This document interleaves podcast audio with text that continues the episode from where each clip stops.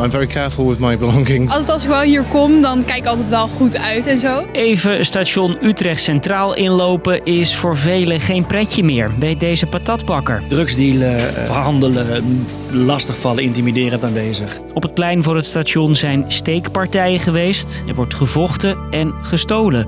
Volgens de burgemeester door bijvoorbeeld verslaafde, arbeidsmigranten en ze noemt ook het woord veilige landers. En die laatste term hoor je misschien vaker. Over welke groep mensen hebben we het dan? Dat ga ik, Marco, je uitleggen. Lang verhaal kort. Een podcast van NOS op 3 en 3FM.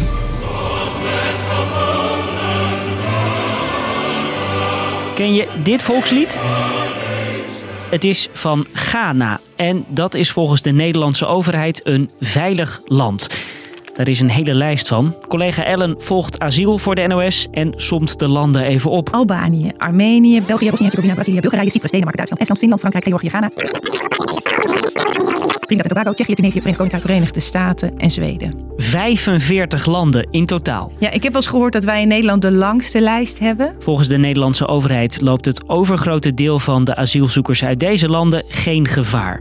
Staat dit dus in je paspoort, dan is een verblijfsstatus krijgen zo goed als kansloos. Slechts 3, 4 procent van de mensen uit deze landen krijgen ook daadwerkelijk een asielvergunning. En ondanks dat komen er toch mensen uit die veilige landen deze kant op.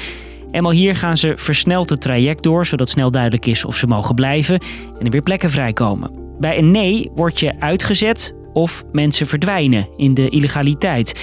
En sommigen, vooral mensen uit Marokko en Tunesië, reizen rond door Europa en gaan elke keer weer opnieuw die asielprocedure in, ziet Ellen. Op dat moment heb je in ieder geval voor acht weken en nu wel langer, omdat die procedures langer duurden, gewoon onderdak, eten en drinken. En nou, dan ben je toch weer een paar maanden van de straat. Elk jaar komen duizend van de ongeveer 30.000 asielzoekers uit veilige landen zoals Marokko. Marokko is natuurlijk een land waar gewoon heel veel armoede is, waar een enorme jeugdwerkloosheid is. En als je in zo'n uitzichtloze situatie uh, opgroeit, dan is het natuurlijk ook heel goed te begrijpen dat je denkt: ik probeer het gewoon.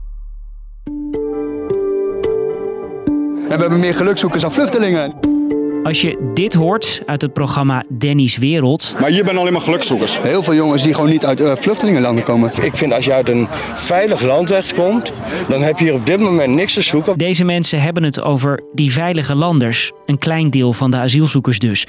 Maar die zorgen voor relatief veel overlast. Bijvoorbeeld pas in deze supermarkt in Ter Apel. Vele diefstallen, veel agressiviteit. En eerder dit jaar in het Brabantse Budel. Ook in de opvang merkten ze het. They stolen from the market and they don't care. De verhalen zijn er door het hele land. 4% van alle asielzoekers was verdachte bij de politie vorig jaar.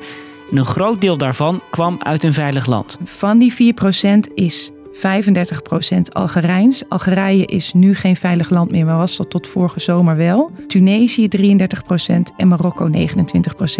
En uit Syrië, wat op dit moment ver uit de grootste groep asielzoekers is, komt het, als je het berekent, zelfs op 0% uit. En Ellen hoort van veilige landers zelf waarom ze bijvoorbeeld gaan stelen. Als je zo weinig um, te verliezen hebt, ja, dan ga je gewoon anders leven. Oké, weer terug naar Utrecht. Hoe pak je die overlast die daar nu is dan weer aan? Dat kunnen we niet alleen. De Utrechtse burgemeester kijkt naar de landelijke overheid.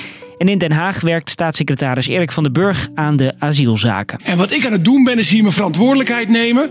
En dat ik ervoor zorg dat die mensen die hier niet opgevangen moeten worden en die de boel, verklo sorry, die de boel verpesten, en zo snel mogelijk Nederland verlaten. Het probleem speelt al langer, maar er zijn nu nieuwe plannen. Sinds vorige week vrijdag is er iemand die de situatie aan gaat pakken. Hij houdt bijvoorbeeld dossiers bij van mensen die zich vaker misdragen. En qua opvang probeert de staatssecretaris Nederland zo onaantrekkelijk mogelijk te maken voor veilige landers, weet Ellen. Zodat die rondreizende groep denkt, nou, Nederland slaan we over, daar hebben we niks te zoeken. Heeft de politiek een paar dingen voor bedacht. Zo schrappen ze het leefgeld bij veilige landers van 60 euro per week. En ook wil de overheid de veilige landers apart opvangen. Daar hebben ze wat voor bedacht. Procesbeschikbaarheidslocaties. Geen sexy woord en dat is ook precies de bedoeling.